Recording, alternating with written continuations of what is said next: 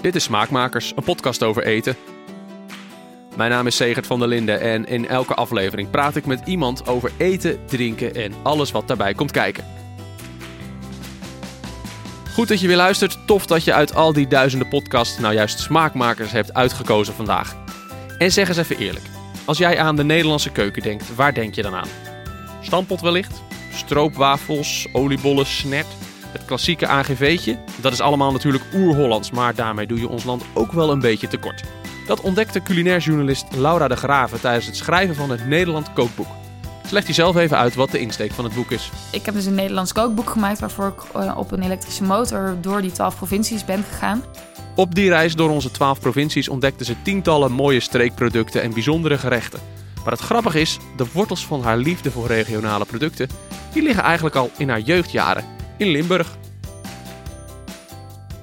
Een van mijn foodherinneringen is toch wel echt de Limburgse vlaai. We hadden eigenlijk van jongs af aan al uh, de vlaai bij de Bisschopsmolen. En dat is een hele mooie locatie in Maastricht. En um, zij gebruiken speldbloem en um, Limburgse kersen. Dus alles komt eigenlijk lokaal. En ja, wij aten die taart vroeger al uh, als er visite was. En uh, ja, dat, dat is wel een van mijn voetherinneringen waar ik, waar ik echt met warmte in mijn hart naar terugkijk. Ja, die hoort er echt bij. Ja, ja. Maar ik heb ook nog een andere en dat is ook wel leuk. Want ik heb echt als ik oesters aan het eten ben. Dat klinkt heel gek, maar dan voelt het voor mij alsof ik aan het surfen ben op op de Atlantische Oceaan. Huh? Okay. daar gingen wij vroeger altijd op vakantie. Ja? En, ja dus, dus... Maar ging jij dan als kind oesters eten? Want dat is... Ja. Niet heel veel kinderen doen dat. Nee, nee. Maar nee, ja, ik eet al wel van, van vrij jong af aan oesters. Um, maar ja, nee, ja, zeker. Grappig, wat grappig. Wat een Ja. grappige herinnering. En, en, en dan denk ik Limburg, dan denk ik ook al snel een beetje een Bourgondisch leven en zo. Ja, nou het is wel grappig dat je dat zegt, want mijn ouders komen eigenlijk helemaal niet uit Limburg. Oh, Mijn Ja. Vader die komt uit Friesland en mijn moeder uit Drenthe. En ehm, eh, dus ja, ik ben eigenlijk helemaal... Ja, ik ben wel in Maastricht opgegroeid zelf. Maar ik heb dus eigenlijk ook naast die Limburgse vlaai... en naast dat Maastrichtse zoorvleis en die asperges... met Limburgs kloostervarken, ham... Ik hoor al wat onderwerpen langskomen. Ja, ja, ja. ja. heb ik ook ehm, eh, echt wel heel erg herinneringen aan het eten in Friesland bijvoorbeeld. Dus het Friese roggebrood, dat had mijn oma altijd. En als we op bezoek gingen, dan hadden we altijd ehm oranje koek met, eh, eh, met, met slagroom. En we kregen ook altijd, dat was heel grappig, we kregen altijd van mijn oma kregen we Fries suikerbrood mee op de terugweg. En daar werden we altijd echt kotsmisselijk dat, ging, dat moest op. Je had een best wel een lange terugweg, dus dat kon wel op dat eh, in die reis. helemaal Ja. op en dat kwam er soms ook wel weer uit. Maar, maar ja, nee, dat was wel echt heel erg, eh, heel erg lekker en heel erg leuk. En het is wel grappig, want ehm, tijdens mijn reis realiseerde ik me dat er, dat er echt heel veel... ehm, eh, of eigenlijk dat iedere provincie zo zijn eigen gerechten heeft. En, en dat is ook, ja, vind, vind ik, vond ik heel erg interessant om te zien. En ook om te zien dat die Nederlandse eetcultuur eigenlijk veel meer zich afspeelt op dat regionale gebied. In plaats van dat je heel vaak denken mensen over Nederlands eten. Van het is. stampot, snert. kroketten, eh, dat soort Stroopwafels. dingen. Inderdaad, ja, en, en stoofvlees. En, en dat is het. Maar het zit naar mijn idee ook veel meer op dat regionale niveau. En dus ging Laura op reis door Nederland. En die reis die leverde prachtige verhalen op. Ze zal er in de komende 20 minuten een paar van vertellen. Beelden die me echt, echt, echt bij is gebleven, dat is ehm, dat ik was aan het varen op de Waddenzee. En eh, ik zat echt na, je moet je voorstellen, echt op de meest vieze boot ooit. Echt overal, maar ook echt overal waar je keek was modder. En midden op die boot was een soort van hijskraan. En ja, ik, nou, ik, ik stapte op die boot en we varen over die Waddenzee. En op een gegeven moment zegt de visser tegen mij, Jan, die zegt ze... Zie je die zwarte streep daar in de verte? Dus ik zat zo te kijken. Ik zei, ja, ik, zie- ja, ik zie die zwarte streep. En hij zat zo van, eh, en dat is een oesterbank. En ik zat echt zo, oké, nou goed. Echt na tien minuten later botsen we met die boot tegen die bank aan. Hij gooit een, een kratje, gooit hij ondersteboven op die oesterbank. Gaat, eh, ehm, gooit een kratje, mm, zeg maar, hè, eh, zodat hij er dingen in kan doen, gooit hij ernaast. Gaat op dat ondersteboven kratje zitten. En hij gaat als een soort van, ja, bijna danser, zeg maar, plukt hij die oesters zo rechtstreeks uit het wat, zeg maar, uit het slik. En ja, dat, ik, ik, ik zat daar echt met ogen, met ogen. Ik was echt aan het glinsteren gewoon. Ik zei ook echt tegen Barbara, zijn vrouw, van... Ik zou, wat een rijkdom, hé. Het is echt net alsof... Uh, ik, ik, nou ja, ik zei tegen haar...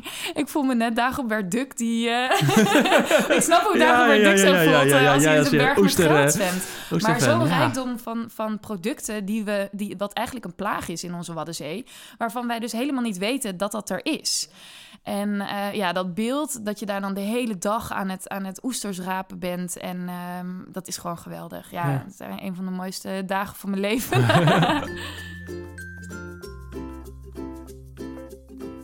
In het Nederland Kookboek verzamelt Laura dus de streekgerechten van alle Nederlandse provincies.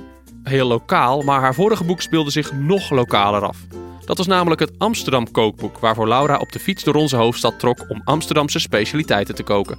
En tijdens een fotoshoot voor dat boek ontstond het idee voor het Nederland Kookboek. Toen ik het Amsterdam Kookboek aan het maken was, twee jaar geleden, toen, um, toen was ik een beetje aan het grappen met de fotograaf van, joh, wat zou dan het, het, volgende boek kunnen zijn?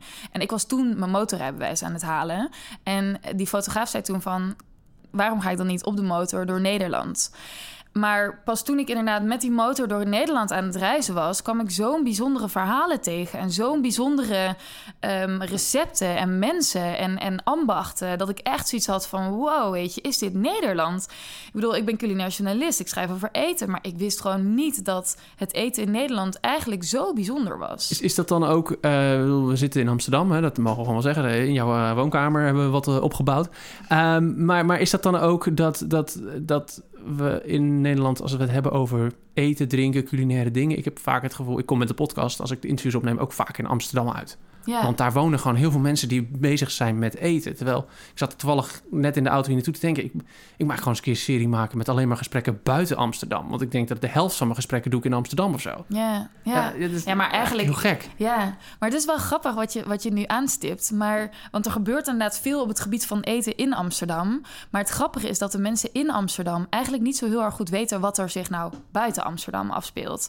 En op het moment dat je dus inderdaad echt die provincies ingaat en dus um, ziet hoe het eten gemaakt wordt, dus ook echt weer naar die boer gaat, met die visser gaan vissen, dan, um, dan, dan krijg je weer een verbinding met je eten. Want ja, tegenwoordig zijn we zo ver verwijderd geraakt van ons eten. En zeker, denk ik, in de stad um, weten we gewoon niet meer waar ons eten vandaan komt. En het is echt wel, um, denk ik, heel erg belangrijk juist om wel te weten waar je eten vandaan komt. Omdat je dan dus ook voor duurzamere, um, meer, vaak meer hè, biologische seizoensproducten kiest. Omdat je er weer een, een uh, omdat je weer weet waar het vandaan komt en ook hoe het geproduceerd wordt. Is dat iets wat je mensen mee wil geven met het boek? Absoluut, ja, absoluut. Ja, dat is wel. Ik, ik ben echt tijdens mijn reis achtergekomen hoe uh, veel producten in Nederland eigenlijk geëxporteerd worden. En echt vaak onze mooiste producten. Ik was op een gegeven moment bij, bij een boerin uh, in de Flevopolder.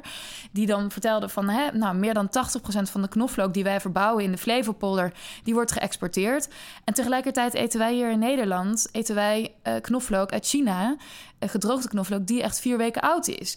Dus ja, ik, ik ben heel veel van dat soort verhalen tegengekomen.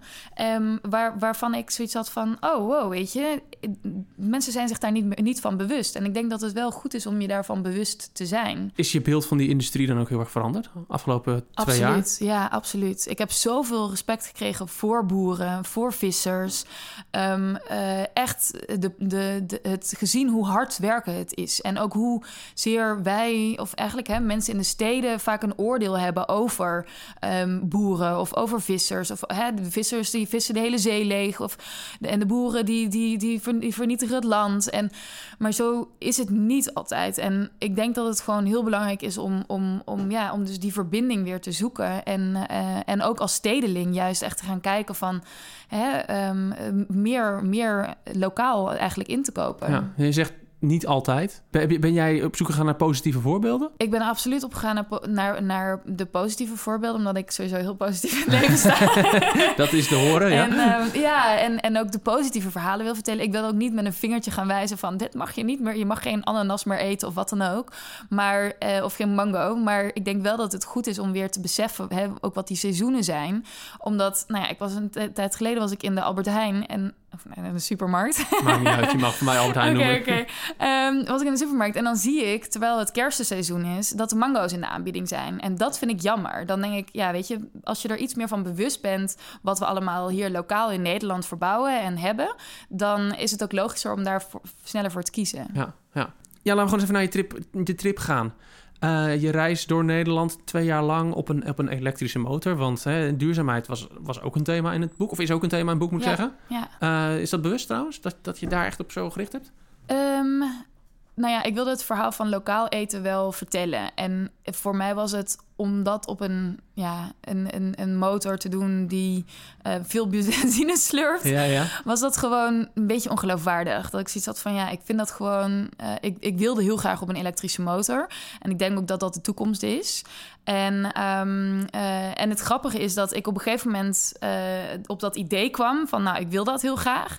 En toen ehm, eh, kwam ik Herman van Lekkere Trek. Die is, heeft een, heeft een elektrische foodtruck. Hij staat ook in Mhm. het boek met een gerecht met waldbeantje staart. Ja, ja, ja. En hij reist met zijn elektrische foodtruck door heel Friesland en haalt zeg maar ook producten op bij lokale producenten. En hij kookt er dan gerechten mee die hij ook weer aan de stedelingen laat proeven. Ja.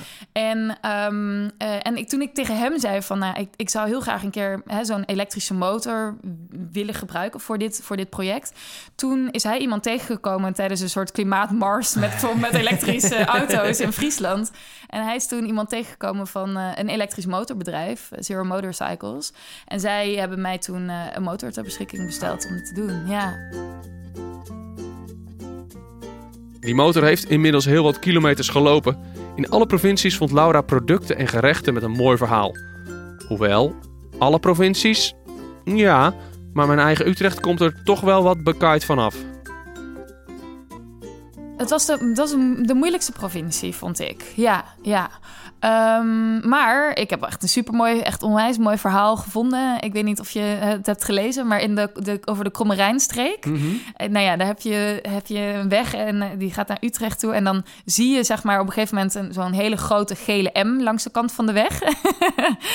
en dat is geen McDrive, maar een, eh, een Cherry Inn, zoals het heet. En als je daar dus langs rijdt in het seizoen, dan, ja, dan kan je daar kersen kopen. En echt, nou, ze hebben wel 50 verschillende soorten rassen. En je kan daar gewoon elke week weer nieuwe rassen halen. En ja, ik beschrijf dat ook in mijn boek van. Ik zei, ja, dit is gewoon bizar veel lekkerder dan een Happy Meal, weet je? ja. Hey, even een paar dingen. eh, een paar. eh, toen ik zo eh, in eerste instantie ga ik kijk even door, de inhoudsopgave van wat, wat zit erin. Een paar dingen die me toen op, al opvielen. Dat ik dacht, ehm, hè? Zeewier. Ja, zeewier. Typisch Hollands. Absoluut. Wist je dat niet? Nou ja, ik denk eigenlijk vooral meer... Ja, ik, ik, weet, ik weet wel dat het inmiddels gebeurt hoor. Maar is dat echt iets wat Nou ja, in er, onze cultuur zit? niet, nou, niet zozeer nog in onze cultuur, maar er zijn 153 verschillende soorten zeewier in de Oosterschelde. En als je nadenkt, ehm, de wereldbevolking stijgt. Het landoppervlak wat we hebben is hetzelfde, blijft hetzelfde. Dus, en wat hebben we wel in, in de wereld? Ontzettend veel zee. En de productie van ons voedsel gaat in de toekomst veel meer plaatsvinden in zee, in water. En ja, als je het hebt over, over zeewier, dat is ontzettend duurzaam. Het trekt CO2 uit de lucht, zit ontzettend veel mineralen, vitamine, plantaardige eiwitten in, waar je, ja, die ontzettend goed voor je zijn. En, ehm, eh, en die, dat is dus, daar zijn ze nu inderdaad in de Oosterschelde ontzettend veel mee bezig. En ook trouwens aan de Noordzee. Ontzettend veel mee bezig om dat ehm, eh, naar een hoger plan te trekken. En ehm, als je het hebt over. eh, kijk, ik heb in het boek zowel traditionele dingen meegenomen, maar ook dit soort moderne eh, etenswaren, waar dus nog niet zo heel veel mensen iets van weten. Maar zij daar wel van op de hoogte brengen dat dat er is. Want ja, het is zeker eh, iets wat in Nederland steeds meer gaat, gaat zijn. Ook kweek, met name. Ja, ja. Het, is, het, is, het is dus ook lokaal verkrijgbaar. Dat is misschien Ja. dan de verrassing. Ja, klopt. Ja, want mensen. je denkt inderdaad vaak, dat komt uit Azië of Ja, zo. weet je, wel, ja, je denkt aan Japan, Ja. ja, je sushi, Ja. nori, dat soort dingen. Daar Ja. denk je aan. Ja, grappig. Ja, dat is natuurlijk ook, eh, dat vertelde je ook in het boek, de, de, de pijlinktvis. Ja, Ik zag, het in, ik zag het in de, ja, nou ja, ik zag het dus in de inhoudsopgave staan. Er stond Hollandse flessen. Toen dacht ik, Wat zijn Wat dat? zijn dat? Maar dat, zijn die pijl, dat is dus pijlinktvis. Pijlinktvis, ja, dat is dus wel grappig, want door de opwarming van eh, de aarde, eh, we hebben natuurlijk de opwarming van de aarde, maar we hebben natuurlijk ook de opwarming van de zeeën. En ehm, nou ja, door die opwarming zwemmen er nu steeds meer vissen, waaronder dus pijlinktvis. Ehm, die eerst voor de kust van Frankrijk en Spanje eh, zwom, die komt nu steeds meer noordelijker. En die zwemmen dus nu voor onze eigen deur, pijlinktvissen. En het grappige is dat wij eten natuurlijk allemaal massaal... eh, eh, als we in Spanje zijn, eten we calamaris op het strand. Maar hier in Nederland weten Toos en Truus weten niet hoe dat gemaakt, moet, gemaakt wordt. En hoe je dat thuis moet maken. En ik moet zeggen... Ik ben ook Toos en. Truus, want ik wist het ook niet. Nee. Maar het leuke is dus dat ik... Nou, ik ben op zoek gegaan naar iemand die dat dus wel heel goed kon bereiden. eh, René Pluim. En ehm, die heeft me dat laten zien. En dus een recept ook in het boek eh, opgenomen van hem. En dat is super lekker. En het is eigenlijk helemaal niet zo heel moeilijk. Nee, nee, dat klopt. Het zijn maar een paar stappen. Ja, je hebt een paar doen. stapjes die je moet doen om, om zo'n om zo'n pijlinktvisje schoon te maken. En ja, ik vind het echt zo ontzettend lekker. Ja, ik denk dat dat insnijden, hè. je moet, hem even- je moet ze even eh kruis, is- hoe zeg je het, zijdelings Ja. het? diagonaal. Ja, Eh, ik denk dat dat even, dat moet je even ja oefenen. dat zorgt ervoor dat wat masser wordt. Ja, Ja, inderdaad. Dan moet je even oefenen, want je moet niet door, je moet het in, las ik dan. Ja, hè. Dus klopt. dat is, Ja. ja. Het is wel grappig, omdat jij zo, je richt natuurlijk eh, het boek ook een beetje op duurzaamheid. Hè? Daar hadden we het net al even over. En dan juist dankzij de opwarming van de aarde hebben we dan Ja, weer ja. Dat is een beetje Ja, een klopt. contradictie Ja, bijna. Ja, nou ja, kijk, voedsel is mixersveranderlijker dan voedsel. En voedsel rijst ook. Zeg maar, dat is eh, de enige reden waarom we in Nederland tegenwoordig zoveel verschillende producten hebben, is ook omdat het zoveel rijst. En ehm, ook als je kijkt naar ons voedselsysteem, zeg maar, er. We hebben nu best wel een monocultuur na de Tweede Wereldoorlog. Maar wat je nu ziet, en dat heb ik met name bijvoorbeeld in de Flevopolder gezien, is dat ze juist boeren weer heel erg teruggaan naar die diversiteit. Hè, ehm, eh, eh, ik ben bijvoorbeeld in, ehm, eh, eh, in Rotterdam, ben ik ook met mannen die dan sojasaus maakten uit, van sojabonen uit de Hoekse Waard. Ehm, dus weet je, je ziet dat er steeds meer internationale producten, ook nu in Nederland, gemaakt worden. En ja, ik denk, ja, met, met voedsel, dat, dat verandert gewoon altijd. En, en dat is denk ik ook het, het leuke en het interessante daaraan. Ja. Zou dit boek over, eh, over vijf jaar heel anders zijn? Of over Absoluut, tien ja, jaar? ja, ja. Het voelt voor mij ook echt alsof ik een soort van... ehm, ja, echt de situatie van hoe het nu nog is, zeg maar, heb geschetst. eh, Hoe het nu is. En ik denk echt inderdaad dat over vijf jaar mensen dit boek terugkijken... en echt dacht, zien en eh, zeggen echt van... wow, weet je, werd dat toen nog zo gedaan? En eh, ik denk dat ehm, het belangrijkste is wat we ons moeten vasthouden als we het hebben over voedsel, is dat voedsel ook echt gepaard gaat met traditie. Eh, eten is niet alleen maar, ik wilde, en dat is ook het, ik wilde niet alleen maar in het boek het hebben over duurzaamheid, maar ook over traditie, over hè, eh, waar, je, waar je eigenlijk mee begon deze uitzending, eh, van waar, wat is jouw voedherinnering? Wat, wat, ligt er in, jouw ehm, eh, in jouw hart en als je het hebt over eten? En dan denk ik dat dat soort dingen als ehm, bijvoorbeeld een Zeeuwse bolus of een Limburgse vlaai en een bossenbol eh, en een, een Groningse eierbal, bij wijze van spreken, voor sommige mensen heel belangrijk is. En dat we ook moeten kijken naar, als we het hebben over de toekomst van ons voedsel, eh, van hoe kunnen we het zowel duurzaam hebben, houden, maar ook die, dat traditionele, die, traditionele identiteit van de Nederlandse keuken wel behouden blijven. Dat we niet zometeen in Nederland alleen maar multiculturele dingen hebben. En ja, Ja, en dat het naast elkaar kan dat het bestaan. naast elkaar kan bestaan. Dat is eigenlijk Ja, zeker. Absoluut. Ja, naar, ja, ja. Naar, naar maar niet dat het niet helemaal verdwijnt. Nee, dat nee, met name. nee, ja. nee, want het schrikbeeld, mijn, mijn schrikbeeld is dat, we- dat, dat we alleen maar voor geproduceerd voedsel in de supermarkt eh, kopen. Ja, En that's it. ja, ja, dat, dat inderdaad, zeker. dat soort dingen. Ik bedoel, je noemt even, noemt even een paar dingen op. Bolussen, vlaai. Ik denk, als, als dat verdwijnt, Ja, wat een verlies zou dat zijn. zeker. Ja. Dat zou zo intens zonde zijn. Een manier om ervoor te zorgen dat deze unieke producten blijven bestaan is door hun verhalen te vertellen. Zoals het verhaal van de Limburgse grotchampignons. In Limburg worden eigenlijk van oudsher champignons geteeld in de grotten.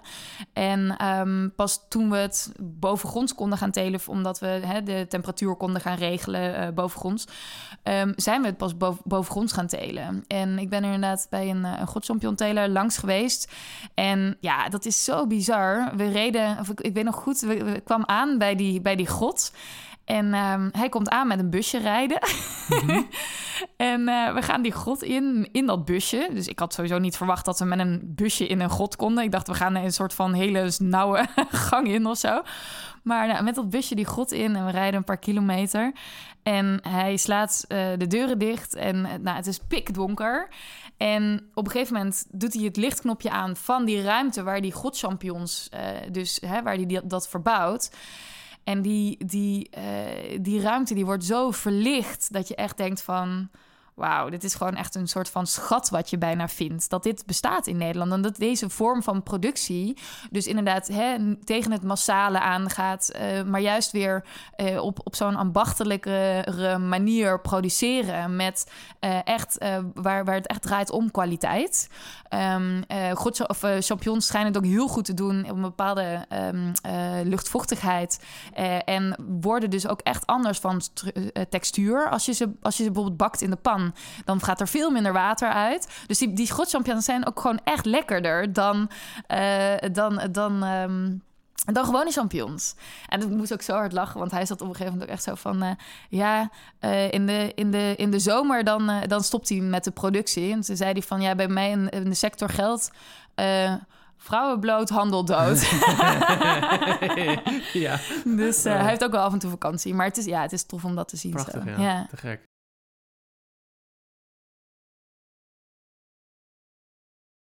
Is, is er voor elk product dat wij eventueel uit het buitenland halen een Nederlandse variant te bedenken?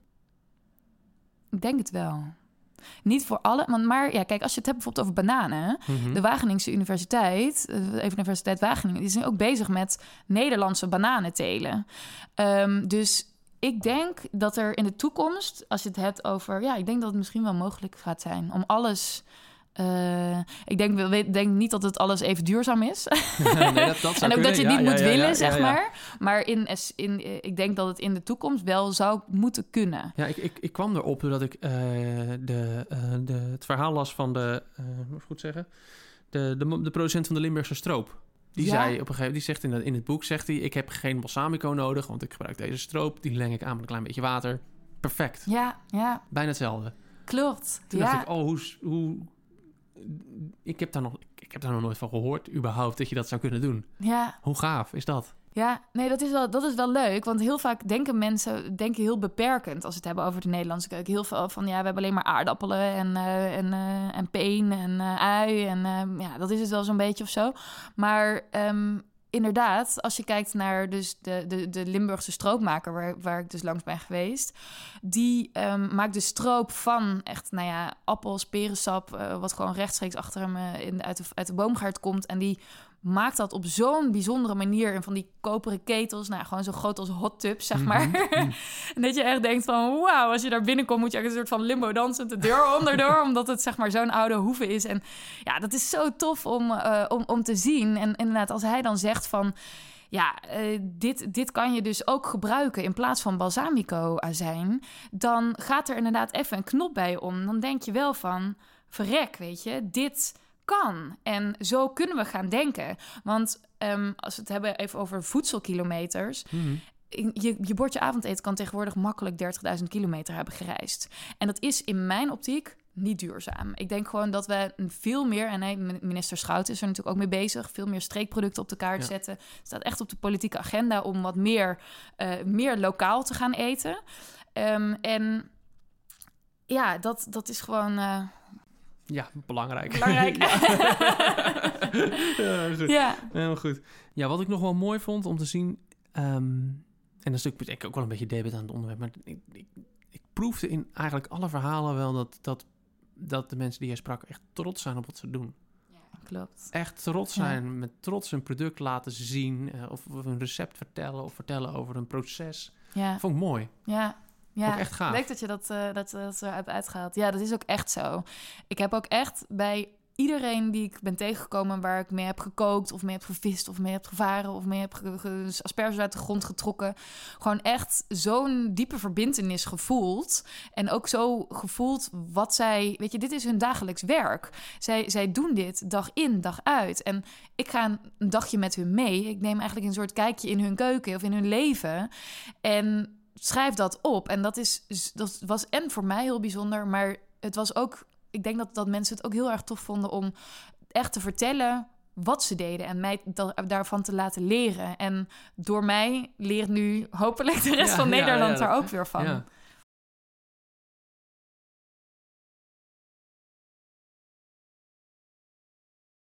Ik, ik vroeg me nog één, één ding ja, af. dat mag. Ja, tuurlijk. Wat vond jij van het boek?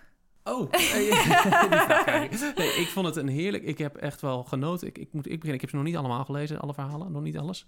Eh, maar ik, ik vind de verhalen zo heerlijk.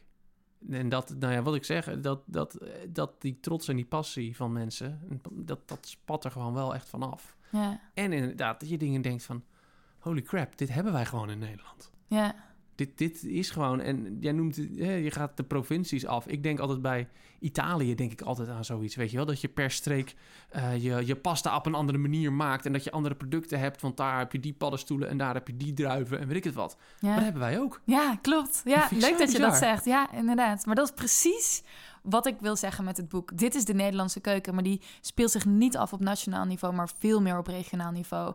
En als je daarin duikt en dat ziet, ja, dan gaat er een wereld voor je open.